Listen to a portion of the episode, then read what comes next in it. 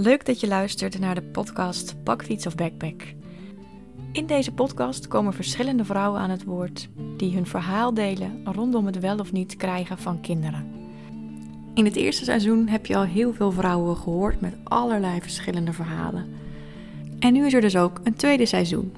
De komende weken ga je opnieuw weer ontzettend diverse verhalen horen van vrouwen die worstelen met de keuze, die het al heel goed weten of die op andere manieren met dit thema bezig zijn. Ik hoop vooral dat de podcast je herkenning en erkenning geeft voor welk pad jij bewandelt. We zijn altijd op zoek naar uh, nieuwe verhalen, dus mocht je je geroepen voelen, schroom dan niet om contact met ons te zoeken.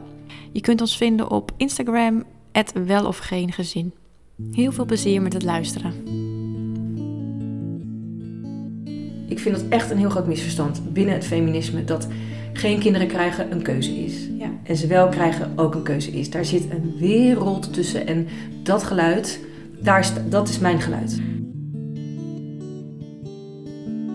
Nee, dus ik vind het heel leuk dat jij uh, vandaag met mij in gesprek wil over je boek. Ja. En, uh, en over jouw eigen proces en alles daaromheen. Ja. En uh, voor mensen die dat boek niet gelezen hebben, niet kennen, Echte Vrouwen krijgen een kind, heb jij Mhm. uh, geschreven, Mhm. een aantal jaar geleden. Wat, waar gaat het over? Echte vrouwen krijgen een kind. En de ondertitel is eh, De stille revolutie van de niet-moeder. En daar gaat het over. Het gaat vooral over die ondertitel eigenlijk. Eh, over het beeld eh, wat we nog steeds hebben van, eh, nou, dat noemen we kinderloosheid. Ik vind dat een naar woord. Ik gebruik gewoon het niet hebben van kinderen. Hè? Niet-moeders is ook een hoop over te zeggen. Ik vind ik ook geen ideale term hoor, nog steeds niet. Maar dat woord kinderloosheid, dat, dat alleen al zegt heel veel over hoe we in Nederland eh, omgaan met het niet hebben van kinderen. Het heeft om te beginnen al hele lelijke taal. Mhm. En ik denk ook dat er nog heel veel eh, aannames zijn over eh, het niet hebben van kinderen. Waarvan ik denk dat het echt tijd werd dat we daar breder naar gingen kijken. Omdat ik heb zelf geen kinderen. Mhm. Maar ik herkende me helemaal niet in het beeld wat ik van kinderloosheid altijd zag. Ik dacht, hoe kan het nou? Ik, ik, eh, het gaat over mij. Ja. Maar de vrouwen die ik eh, dan eh, krijg aangediend, die hebben nooit mijn verhaal. Wat voor vrouwen hebben het? Nou, dat zijn dan. We zijn heel erg gewend om, om het te bekijken in best wel zwart-witte plaatjes. Dus het is of de kindvrije vrouw, hè, de, de vrouw die het niet wil, Ja. die geen kinderwens heeft. Eh, nou, die zijn vaak heel erg eh, mondig, omdat eh, daar is helemaal geen probleem. Die hebben gewoon een mening, die willen het niet. Mhm. Dus die zeggen ook, ja, nou ja, het milieu of ik wil het niet of geen kinderen. Die, die kunnen daar heel best wel duidelijk over zijn, want daar zit niet een soort van emotionele ruis. Of vaak niet. Niet zo sterk. En dan heb je die andere groep, dat zijn de vrouwen bij wie het dan niet lukt. Die zijn echt, wel, echt dan wel kinderloos. Die, die zijn vaak heel verdrietig, want die hebben dan een wens, het gaat niet. Mhm. Dus die moeten leren leven met rouw en, en verlies en, en een niet ingeloste verwachting, weet je wel. Ja. Maar de realiteit is dat daar tussenin een gigantische groep zit. 80% van vrouwen zoals ik. En dat zijn mannen, vrouwen, bij wie omstandigheden ervoor hebben gezorgd dat dat kind er niet is gekomen. En dan wordt het ineens een compleet ander, compleet ander verhaal. En dat noem je social infertility, of eh, is, eh, ja, ehm, childless by circumstance in het eh, Engels. Ja. Als je er in het Engels op zoekt, krijg je echt talloze hits. Dan, dan gaat heel internet ineens uit zijn plaat. Maar als je het in het Nederlands intikt, sociale onvruchtbaarheid, krijg je twee hits. Twee. Oké. Ja. En dat is precies waar mijn boek over gaat. Dus eigenlijk alles wat ervoor kan zorgen dat, eh, dat je geen kinderen krijgt, wat daar allemaal bij kan horen. eh, alle verschillende vormen, dus vrijwillig, onvrijwillig, omstandigheden. En alles wat daar ook weer tussenin zit, want het is hartstikke fluïde. Ja. En het kan door de tijd heen ook nog veranderen. Dus je kunt op je dertigste heel anders naar kijken dan op je vijftigste. Ja. En, en eh, goede duidelijke rolmodellen die ik niet had. Ik heb ze er allemaal bij gehaald. Eh, alle opmerkingen die je kunt krijgen. alle gevoelens die je mogelijk zult ervaren eh, in die jaren waarin jouw hele omgeving waarschijnlijk kinderen gaat krijgen en jij niet. Ehm, hoe dat voelt, eh, hoe de cijfers liggen. Ik heb, ben heel goed geholpen door het CBS. Die man, die, die Ruben van Galen, die heeft echt doorgerekend voor me. Dus de cijfers kloppen ook echt allemaal. En dan kom je dus op een aantal uit van 1 op de 5 vrouwen in Nederland heeft ze niet. En Nee. je hoort ze gewoon niet. Je hoort ze gewoon niet. Nee. Nou ja. En dat geluid wil je graag brengen. Ja. Ja. En ook op een manier waarvan ik dacht, ik ga het anders doen. Want als je gaat opletten erop, uh, kinderloosheid wordt heel vaak op dezelfde manier een beetje, op dezelfde toon een beetje besproken. Of het zit bordenvol plaatjes van vrouwen aan zee. Ze staan altijd aan zee. Ik weet niet wat dat Ja, of op een steiger in hun eentje. Echt waar. Te turen in de verte. Te turen in de verte. Droevig. altijd alleen. Ze, hebben, ze, zijn ook altijd alleen. Of mm. kale bomen, doodlopende wegen. Echt waar. De, beeld, de beeldtaal is heel lelijk. Zo. En dat gebeurde ook toen mijn boek uitkwam. Ik heb heel veel interviews gedaan. Ook in tijdschriften. Al die beeldredacties, ze zijn er allemaal ingetuind. Mm. De stijgers en de, en de golven en de sloeg me om de oren. Dat ik dacht, nou, daar gaan we. Het staat notabene in mijn boek. En ze blijven het gewoon doen. Er is zo'n armoede, beeldarmoede, verbeeldingsarmoede rondom dit onderwerp. En ik moet er wel bij zeggen dat uh, het was best een emotionele weg die ik heb afgelopen. Het was helemaal niet makkelijk. Nee. En, uh, ik heb, had ook, als je dit tien jaar aan mij had verteld dat ik er een boek over zou schrijven, ook nog met zo'n titel, nou dan had ik je echt voor gek verklaard. Ik had dat niet gedaan, niet geloofd. Maar uiteindelijk was het wel heel noodzakelijk dat ik het wel deed. En ook op deze manier deed. Want ik heb niet alleen mijn eigen leven ermee gered, weet je wel, door het gewoon te doen, aan te kijken. Maar ook echt dat van andere mensen ermee. Dat weet ik inmiddels. En ja. dat, uh, dus het was nodig. Ja, ja precies. En, en die tien jaar geleden, hoe, hoe zat je er dan toen bij? Nou, ik deed mezelf heel erg uh, uh, beheerst voor. Ik deed alsof ik het allemaal wel onder controle had. Ik was toen 37. Om mij heen waren alle baby's eigenlijk al wel geboren, min of meer. Bijna al mijn vriendinnen. En ook in de familie wel een beetje. Nou, dat was toen nog niet. Mijn zus was ook iets later. Maar in ieder geval, ik, ik zat al helemaal in die, in die dertigers uh, rush van uh, baby showers en de bruiloften en alles. had ik mm. allemaal al gehad. Mm -hmm. En bij mij bleef het eigenlijk stil. Dat is ook, hè, in die, in die levens van kinderloze vrouwen lijkt het alsof er dan niks gebeurt. Ja. Maar ja, er gebeurt natuurlijk van alles. Alleen ze zeggen het niet per se. Dus ik deed mezelf eigenlijk wat uh, stoerder voor dan ik was. Maar het waren hele nare, verdrietige, eenzame jaren. Ik wist gewoon niet waar ik naar keek. Nee. Dus alles wat, mij, wat ik soms voelde hè, aan twijfel of aan uh, het gevoel dat je de boot mist. is ook zo'n rot gevoel dat je Mm. denkt, oh die tijd, ik heb Mm. nog maar weinig tijd. Ik had geen geschikte partner. Want je had een kinderwens. Ja en nee. Het is ook een beetje dubbel. Kijk, Ja. Ik heb op mijn 35ste eh, heb ik, eh, was ik in verwachting. 34 was ik, ik moet het goed zeggen. Ik zou moeder worden Zo. Ja. met mijn toenmalige partner. Eh, alleen, ik kreeg een uh, miskraam bij 13 weken. We hadden het net aan iedereen verteld. Weet je. Echt, net- iedereen was net op de hoogte. En ik ging voor een echo en het was gewoon niet goed. En dus ik moest meteen. Eh, Nou ja, dat was, dat, was, dat was echt een klap. Ik, dat is denk ik het ergste wat ik ooit heb. Dat vond ik heel erg. En Ook omdat het een hele fysieke ervaring was. Want het was niet alleen dat ik eh, een, een, een droom opgaf, weet je wel. Dat het, dat het dus niet ging gebeuren. Maar ook dat, ik, dat mijn lichaam me dat heel erg liet kennen. Van, mijn lichaam was ook echt in rouw dat Ja. het gebeurt. Miskraam kan een hele ingrijpende ervaring zijn. Ja. En dat verdriet, dat is gewoon biologie. Daar doe je helemaal niets aan. Dat lichaam is echt aan het treuren. Dus dat gebeurde ook bij mij. En dat, daar ben ik wel goed uitgekomen hoor. Maar dat heeft echt wat tijd gekost. En niet lang daarna verbrak mijn toenmalige partner die relatie. Want het zat gewoon ook helemaal niet goed tussen Mm. ons. Dus dat was eigenlijk... Ik werd en geen moeder en ik, eh, en ik was weer single. Zo. Op mijn 35ste. Nou, dan kan je zeggen, dat is niet, dat is niet het scenario wat je, wat je wil. Nee. En om me heen was iedereen eh, lekker helemaal aan het eh, settelen en zo. En ik dacht, ja, Tinder bestond nog niet. Ik denk, ja, wat ga ik doen met mijn... Dus daar heb ik gewoon heel veel tijd voor nodig gehad. Dus die kinderwens, die, die, werd, die was er wel. Maar die was, was verdwenen eigenlijk ook meteen weer. Omdat ik had gewoon andere dingen aan mijn hoofd. Hè? Ja, ja, ja. Dus eh, tegen de tijd dat dat weer een beetje... Dat ik dacht, ik moet nu toch wel daar wat mee gaan doen of zo. Was ik denk ik, ja, 7, 38. En ik had geen geschikte partner. En ook echt niet dat ik, wie er dan wel af en toe zo een beetje voorbij kwam. eh, dat was zeker geen, eh, dat ik dacht, daar ga ik nou eens een kind mee krijgen. Gewoon geen sprake van, echt. Dus ja, er was niet zo heel veel te kiezen, eigenlijk. Want weet je, ik ben best wel traditioneel hoor, als het hierop aankomt. Dan denk ik, ja, nee, ik wil dat we gewoon in liefde eh, met iemand die ik eh, fantastisch vind. eh, gewenst van allebei de kanten. Dat kind wil ik dat dat gewenst is. Niet omdat ik toevallig 40 werd.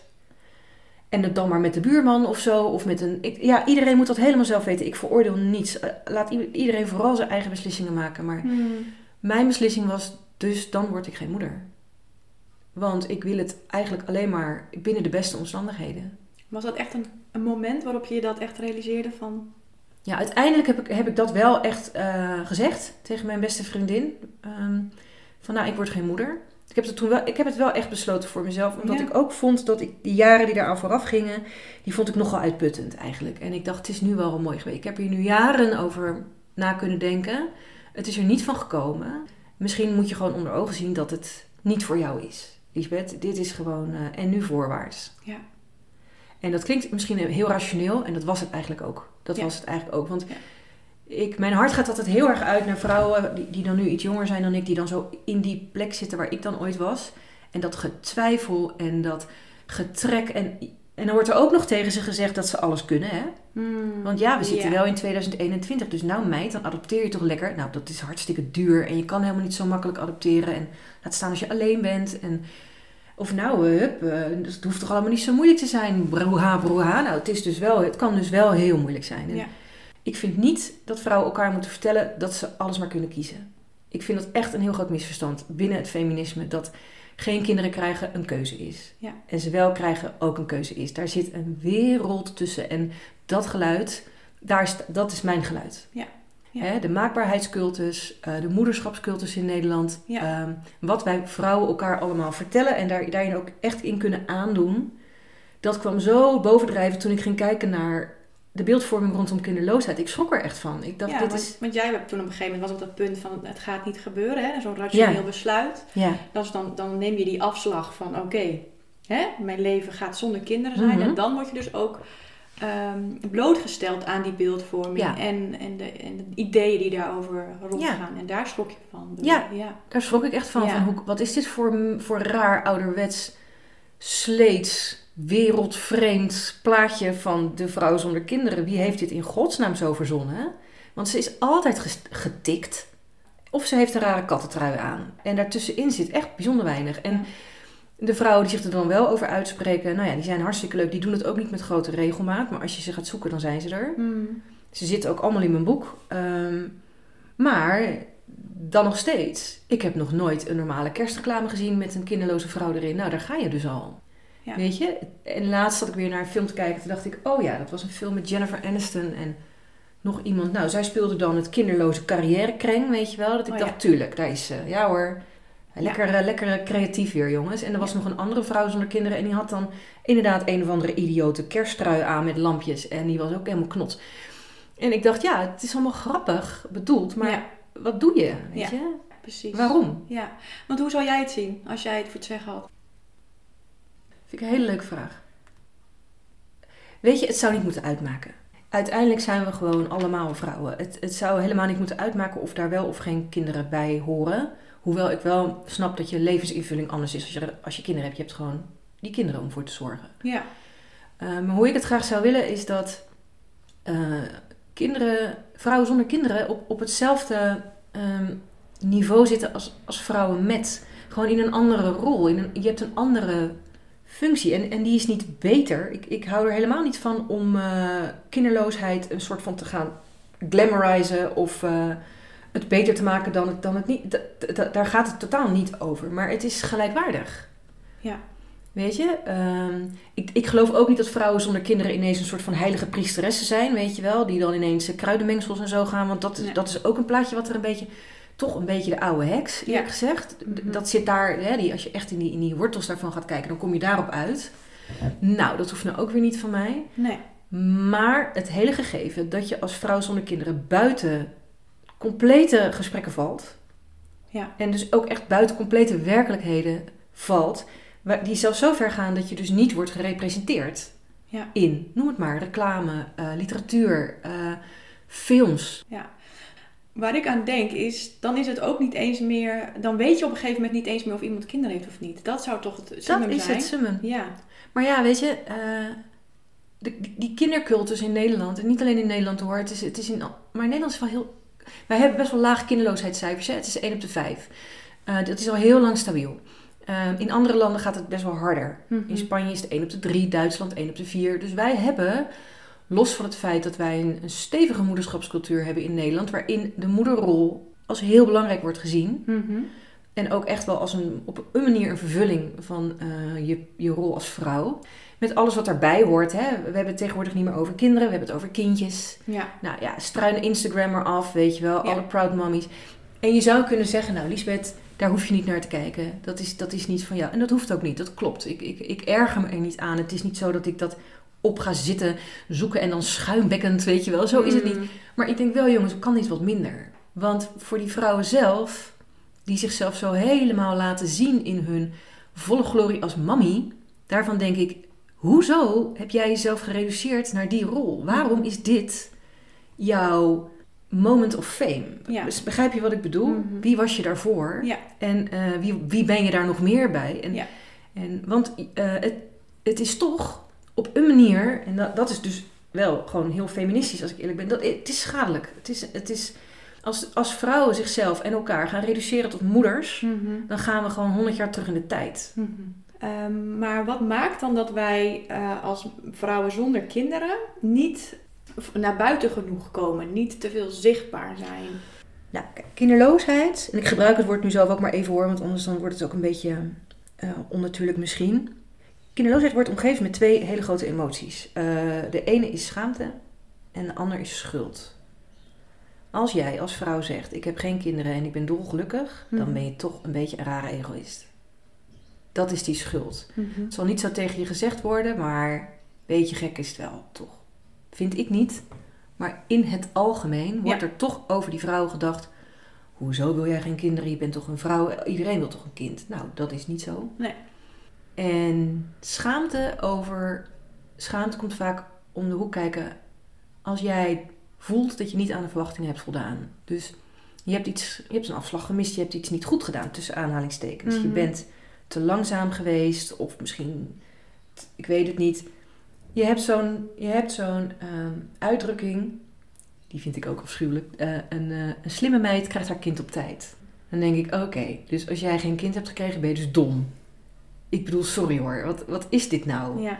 Nou, dit is dus wat ik bedoel met die blinde vlek, weet Ja. je wel. Dus je krijgt toch van alle kanten prikjes. Het is Ja. niet zo dat mensen het Nee. zo van... Nou, Renske, we gaan eens even zitten en ik ga even mijn oordeel over jou geven. Jij Nee. als hè. Nee. Maar je voelt hem, je voelt hem Ja. gewoon. Ja, precies. En ik kan me dan heel goed voorstellen dat als je juist in dat diffuse gebied zit, dat dat constant weer raakt en constant weer tot twijfel geeft, wat al, hè, het is al moeilijk genoeg de Ja. situatie, constant weer je van je stuk brengt. En, eh, want ik heb dat als bewust, hè, kinderloze al. Mhm. Ik, ik, heb, ik sta helemaal achter mijn keuze, maar ook ik heb last van wie om mij heen eh, leidt het leven. Wie is die voorbeeldrol? Of wie, hè? Eh, dus, en dan heb je dus een situatie waarin het redelijk recht toe recht aan is in mijn geval. Maar in jouw geval is het heel, ja, ben je zoekende, ben je aan het aanklooien en, en aan het exploreren. Ja. Wat heeft jou geholpen om bij jezelf te blijven en toch die, ja, dat geaarde te houden en te voelen van hé, wat ik doe, doet er toe en eh, ik ga gewoon mijn eigen koers varen. Nou, ik had het geluk dat een hele goede vriendin van mij, Wendy... eh, precies op hetzelfde moment eh, ook kinderloos bleek te blijven. En bij haar was het anders dan bij mij. Dus we hadden ook niet hetzelfde verhaal. Eh, bij haar was het een ander soort eh, redenen zaten daarachter. Maar we waren wel met z'n tweeën. In een wereld waarin de baby's ons om de oren vlogen. Dus ik kon bij haar heel goed erover praten. En dat heeft me echt geholpen. Ik, Ja. ik wist, ik had iemand Ja. in mijn directe omgeving die ik heel erg leuk vind. En tegen haar kon ik gewoon helemaal eerlijk erover zijn. En zij tegen mij. Dus dat hielp. Van Ja. oké, er is in ieder geval iemand die precies begrijpt hoe dit voelt. Ja.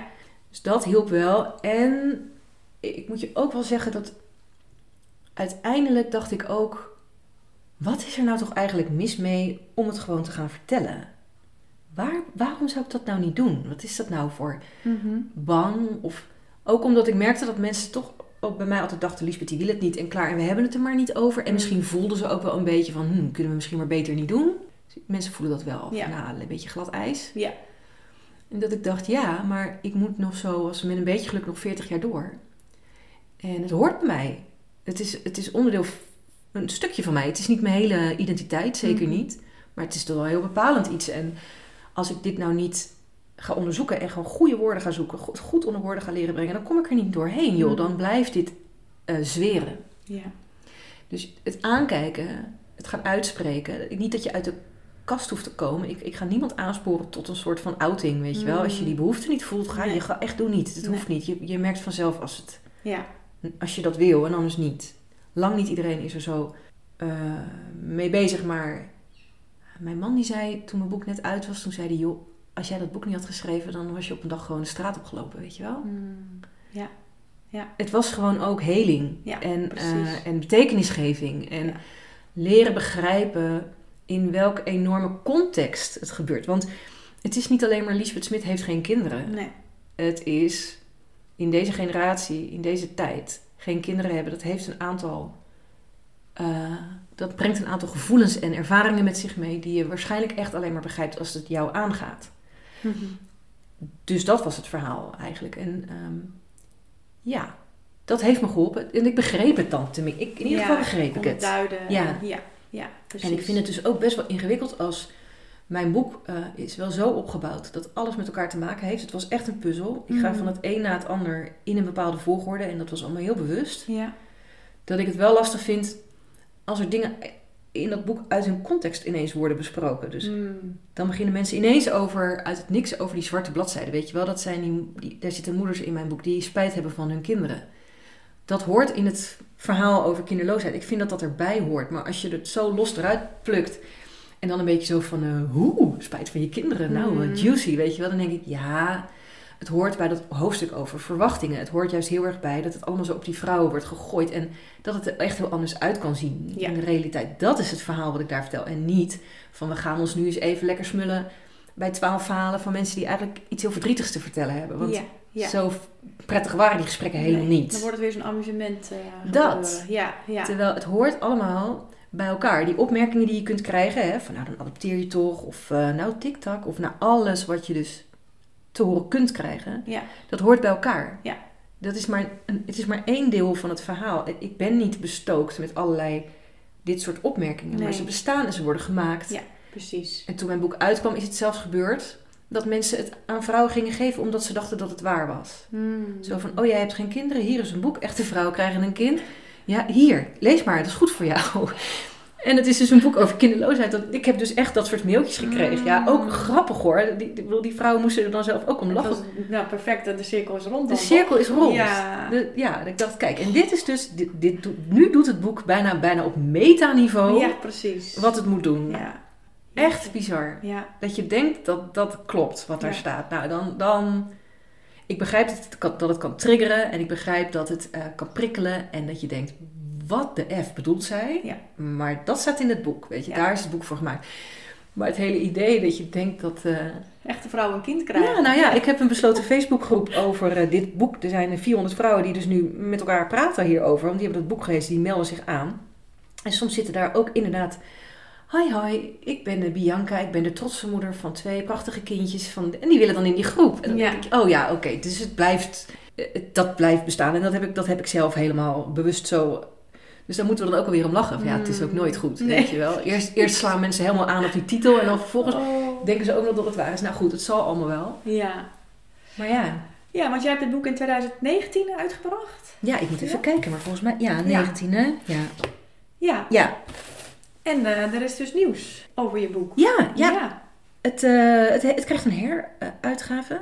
het wordt eh, in maart 2022 eh, krijgt het een nieuwe uitgeverij. Het gaat naar Rainbow, uitgeverij Rainbow. En daarvoor heb ik het geactualiseerd. Oké. Dus ik heb, ehm, eh, de cijfers zijn nieuw. Die zijn gewoon van nu. Eh, en ik heb eh, een paar dingen eruit gehaald. Onder andere Jennifer Hofman heb ik aangepast. Want Jennifer Hofman was in, in de eerste versie nog eh, altijd die vrouw. En Eva Jinek dan? Er niet bij? Eva Jinek stond er niet Oh. bij. Nee, Eva Jinek stond er niet bij. Nee, nee, die heb ik nooit genoemd. Nee. Want dat wist ik niet helemaal zeker. Maar Nee. bij Jennifer wist ik het omdat ik haar daarover heb geïnterviewd ooit. En dat zij dat zei. Van, ja, ik krijg altijd die kindervraag, weet je wel. Van, ben je al moeder? Heb je al een vriend? Weet je wel, dat. Ja. Maar ja, ik zat dus dat interview zelf ook met haar te doen. Dus wat dat betreft moet ik zeggen dat het eh, hoort ook af en toe een klein beetje bij, eh, bij het werk. Maar Ja. die had toen nog geen kinderen en die is Nee. inmiddels moeder. Dus dat stukje moest ik gewoon aanpassen. Ja, dat klopte niet meer. Nee. En zo zijn er nog wel een paar dingen. Ehm, ik heb wat nieuwe namen nog erbij gevonden van vrouwen waarvan ik dus nu wel zeker weet dat ze ook geen kinderen hebben. Gewoon bekende Nederlandse vrouwen. Nou, dat weet je. Dus ik heb het Ja. gewoon een beetje geüpgrade. En ik heb er een eh, voorwoord bij geschreven waarin ik ehm, terugblik op eh, drie jaar echte vrouwen krijgen een kind. Wat er met het boek is gebeurd sinds het eh, uit is gekomen. Want dat wilde ik wel heel graag eh, ook gewoon één keer vertellen. Van, Ja. ja. wat er, hoe dat is gegaan nadat het in de winkels lag. Ja, Ja. precies. Ja, want ik heb jouw voorwoord al gelezen. Mhm. Ja. En voor mij ehm, zat er heel veel emotie in, in dat voorwoord. Eh, maar er zit ook een soort van ehm, spanningsveld in van bijna een soort van je blote kont op een podium staan. Zo van help, mensen gaan hier wat van vinden, mensen gaan hierop reageren. Ja. Ja. Eh, terwijl ik ook dacht van ja, eh, maar dit is juist illustratief voor eh, dat hè, zonder excuses, zonder mitsen, zonder maren, dit is het voor Ja. mij. Kijk, in principe had ik dat boek natuurlijk niet hoeven schrijven. Mhm. Ik had kunnen denken, ik ga eventjes goed in therapie. En eh, ik, eh, ik vogel dit wel in mijn eentje uit. Ja, In mijn eigen privé. ruimte, privé, met, mijn, met mijn geliefden en mijn vrienden. Ehm, maar dat heb ik niet gedaan. Ik heb een boek geschreven en ik ben daarmee de boer opgegaan. Ik heb heel veel interviews gegeven en eh, ik heb heel, heel veel reacties op gekregen. Ja. Ehm, waardoor ik eigenlijk de dialoog instap. En als je dat doet, dan zullen er altijd mensen zijn die er gewoon anders over denken. Of die het zelfs gewoon bagger vinden. Ja. Nou heb ik dat niet meegemaakt. Tenminste, ze zijn bij mij uit de buurt gebleven. Mhm. Ik heb echt alleen maar positieve reacties gekregen. Maar ik, ik weet gewoon, dit is... Kinderloosheid is, is een emotioneel onderwerp. Ja. Het raakt Ja. gewoon aan het leven zelf. Ja. Ook al zullen er mensen zijn die het wegwuiven als een keuze. Of nou ja, dat een beetje dat lichtvoetige erover. Maar als je je er echt in gaat verdiepen...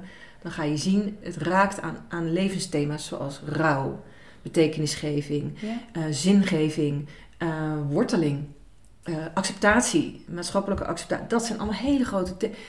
dus ik wist toen ik mijn boek uit had, toen ik het uit had, toen ik het geschreven had, waar ik, over, waar ik aan ging zitten raken, waar, Mm. waar, ik, waar ik het over had.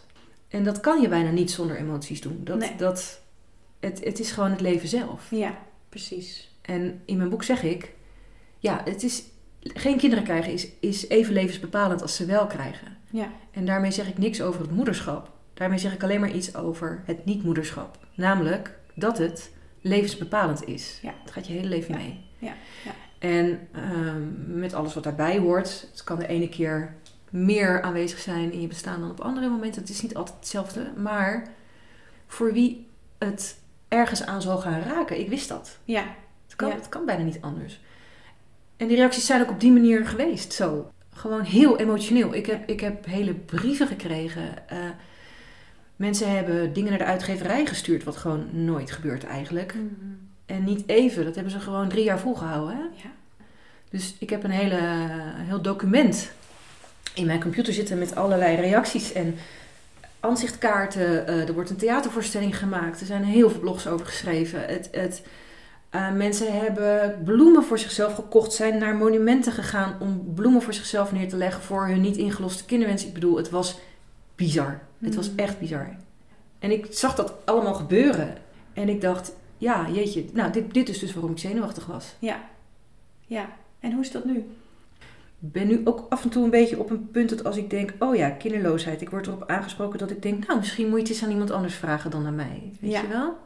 Ik heb eigenlijk alles wat ik erover wilde zeggen, echt letterlijk, staat in het boek. Ja. Maar de rol die jij hebt, Ja, eh, die, die daar, ja, die is blijvend, zeg maar. En juist is het belangrijk dat je zichtbaar blijft ja, voor al die vrouwen. ja, Eh, eh, juist om die reden van, Ja. ja. maar je verdwijnt niet meer dan achter het toneel en hè, Ja. hebt een lang, lang een leuk leven. Als je dat steeds weer ziet, als jij je weer, we zien jou weer een leuk leven leiden, of we zien jou weer een mooi nieuw boek schrijven, dan is dat heel sterkend, zeg maar, Ja. in die identiteit. Maar als, want dat vond ik, dat het gevoel bleef ik een beetje van met dat voorbeeld van ja, maar nu ga jij ook weg, zeg maar. Of nu ga jij ook soort van ja, het hoofdstuk sluiten en Ja. eh, iedereen heeft zijn proces en eh, hè, dat is helemaal prima. ja. Maar daarmee geef ik ook ruimte aan andere vrouwen om die, om die rol weer te pakken. Zijn die er? Hoop ik. Ik ook. Ik hoop het echt. Ja, Ja. Pak, je, pak het. Want Ja. ik bedoel, er is, er is zoveel op gereageerd dat ik denk, nou, maak vooral zelf ook een boek. Of een documentaire. Of een, het, hoe meer, hoe beter. Want er is dus gewoon heel weinig. Ja. Echt, echt absurd weinig. Dus er is nog zoveel ruimte om eh, te doen. En ik heb het gedaan. Ik heb het laten zien dat het, dat het, dat het kan. En voor jou is het nu af. af Weet klaar. je, ja. Ja. Ja, het is een beetje, ik ben meer dan dit. Ja, precies. Weet je je? wordt je je eigen... Ja. ja, ja. Het is niet, ik ben niet alleen maar Lisbeth eh, zonder kinderen. Nee. En, en, en die vrouwen vinden me heus wel hoor. Als ze me willen vinden, dan, dan, dan lukt dat wel. Ja. Eh, dus ik zal altijd reageren als iemand op Instagram wat zet. En ik zal altijd even, als ik een lief berichtje krijg, even iets terugsturen. Dus dat is het niet. Nee. Eh, ik, dit, dit boek is er en het gaat ook niet meer weg. En het is ook niet dat ik het wil wegmoffelen. Maar het is meer dat ik denk, het is tijd voor iets nieuws. Ik heb dit nu gedaan. Ja, snap ik. Maar ik snap Ja. jou ook. Ik snap heel goed wat je zegt. En dat is niet... Dan zit ik een heel boek vol te schrijven over... Er zijn geen rolmodellen. En dan eh, stap ik er zelf ook uit. Laat je ons in de steek.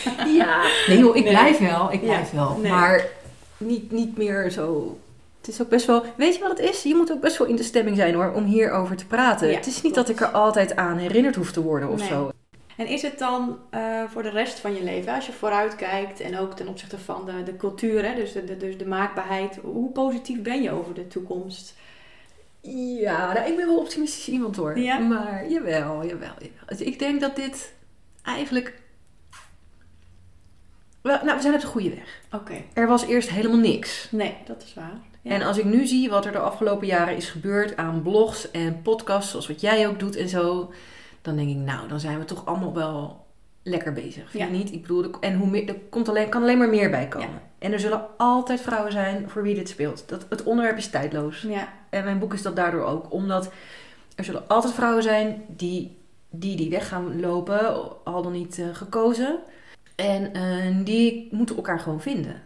Weet je, want dat is het, die, die stilte, dat heb ik uiteindelijk het meest eh, ingrijpende gevonden. Dat, dat er gewoon, er werd gewoon niet over ge- gepraat. En Nee. je, je mag echt, je moet echt zelf op zoek gaan als je het eh, wil ontdekken. eh, en als je de omvang ervan wilt gaan begrijpen, dan, dan moet je zelf je eigen zoektocht ja, starten. Want het is in principe een onzichtbaar iets. ja, ja, Eh. precies. Ja, en dat wordt nu dus meer, steeds meer zichtbaarder. Dus Ja. als je dan naar de toekomst, dan denk je, nou, dat zal alleen maar meer toenemen. Ja, dat hoop ik. Ja, Er is wel nog steeds heel veel over onduidelijk. En een van de hele grote thema's is: hoe ziet dat leven eruit als je ouder wordt? nou, precies. Dat vind ik een, eh, Ja. een hele mooie vraag.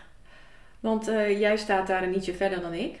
Wat, wat zijn thema's of, of hobbels die jij, eh, die jij tegenkomt of bent tegengekomen? Nou, toen ik me realiseerde dat ik geen moeder werd, ben ik zelfstandig ondernemer geworden.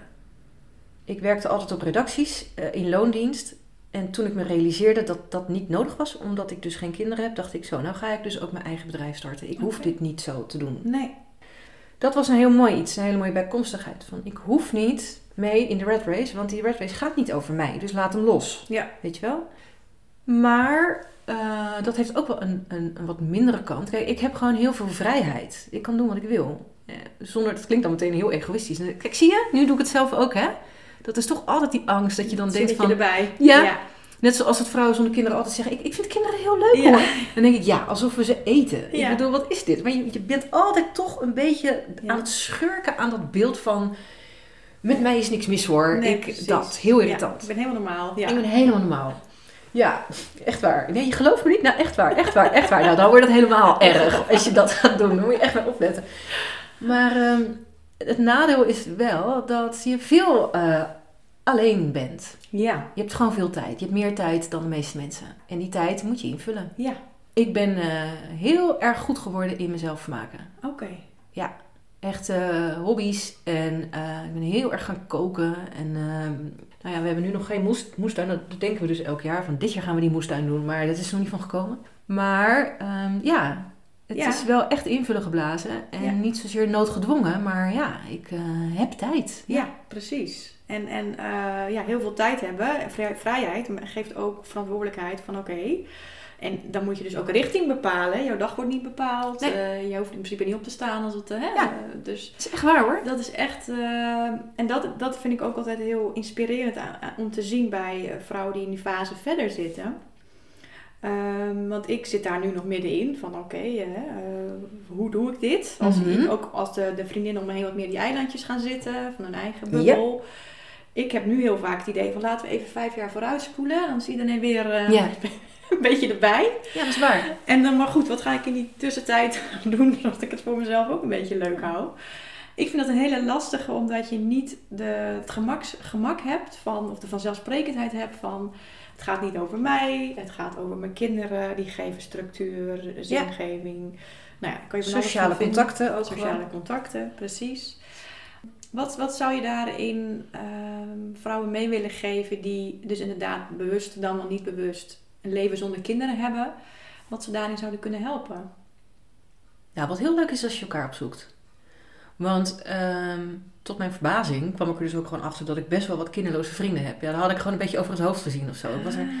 nou ja, die zijn. Dat is gewoon leuk. Niet dat we het er dan over hebben hoor. Het is niet zo dat wij dan de hele dag. Nee. Ja, over, laten we lekker over moeders gaan roddelen met elkaar. Nee, dat doen we dus niet. Nee. Maar dat is, die, die hebben datzelfde. Dus daar is het gewoon uh, leuk mee. Uh, uh, afspreken. Die zijn over het algemeen wat flexibeler. En ik moet precies wat jij net zei. Belangrijk trouwens hoor, wat jij net zei. Over dat met het invullen van. Dat jij dat zegt. Mm -hmm. Het is heel belangrijk dat mensen dat horen. Ja. Dat, dat, dat, dat er echt bij hoort. Ja. En, en dat het heel normaal onderwerp ook is om, uh, om, om te onderzoeken. Van ja. Oké, hoe ga ik dit. Hoe ga ik dit varkentje wassen eigenlijk? Ja. En mijn vriendinnen zijn nu allemaal, die kinderen zijn allemaal wat ouder. Die gaan nu langzaam zo de puberteit in. En daarom merk ik ook dat zij weer losser worden. Want zij hebben gewoon, die kinderen, die, die, die, die gaan hun eigen gang. Weet je wel? dus ze zijn niet meer zo, dat, dat, dat ze wat dichterbij moeten blijven. Dat, dat wordt minder nu. Maar ik ben al wel voorbereid op het moment dat mijn vriendinnen allemaal oma worden straks. Ja, precies. Dat is een heel groot ding, hè? Ja. Want je denkt dus, in mijn, in mijn Facebookgroep zitten dus ook wat vrouwen die wat ouder zijn. Die zitten dan zo'n beetje in de 60. Die komen met dat thema. Ja.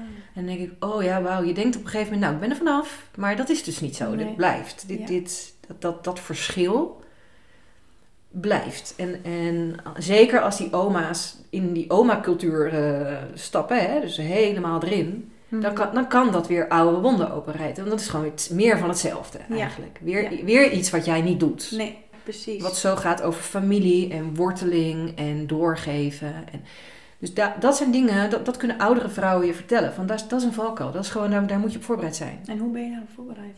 Nou, dat, als je het maar weet. Ja. Ja, ik denk toch, ik denk echt dat het de sleutel is communicatie hoor. De, de, de sleutel is vragen stellen, aan andere vrouwen vragen hoe doe jij dit? Uh, jezelf, het goed met jezelf kunnen vinden, dat helpt toch ook wel heel erg eigenlijk. Ja.